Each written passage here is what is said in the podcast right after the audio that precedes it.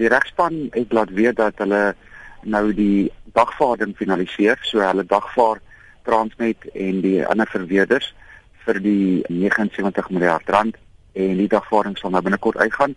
Dan moet eers net advertensies geplaas word in die openbare koerante, die grootste koerante in Suid-Afrika waar daar geleentheid gegee word deur middel van advertensies vir mense om uit te teken wat nie wil deelneem aan die hofsaak nie. Daar het net twee mense van die om en by 60000 pensionaars uitgeteken wat nie deel van die hofsaak wil wees nie. So nou is ons by die deel waar die dagvaarder natuurlik gefinaliseer word en beteken moet word en dit word nou binnekort gedoen. Ons sal dit weet sodra dit gedoen is. En daarna word daar natuurlik verweerskrifte deur die teenkant dan weer geteken op die regspan en dan is daar 'n paar tydstukke wat nog tussen mekaar uitgeruil kan word en met die hele proses daarmee saam sê die een advokaat dit lyk of ons so teen einde Julie kan 'n hofdatum aanvra en volgens hulle projeksies kan ons dan vroeg volgende jaar waarskynlik 'n hofdatum hê.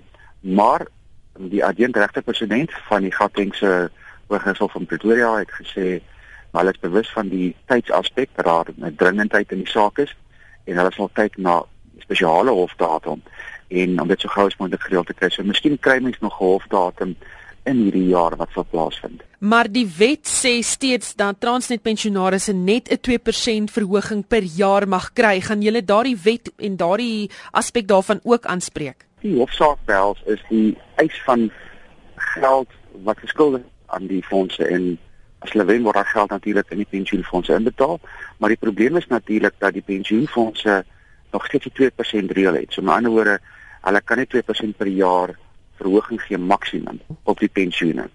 Nou daardie moet gewysig word en daardie is natuurlik geskep deur middel van wetgewing ook wat die pensioenfondse geskep het. So dit moet in die parlement gaan vir wysiging. Ek het die minister gevra, ehm uh, minister van openbare ondernemings, Lynn Brown, of hy enige aandag gee aan die 2% reël uh, situasie en sy het vir my gister laat weet in 'n uh, antwoord op my geskrewe vraag dat die 2% reël is in die proses om gewysig te word die trustees van albei fondse het dit goedgekeur.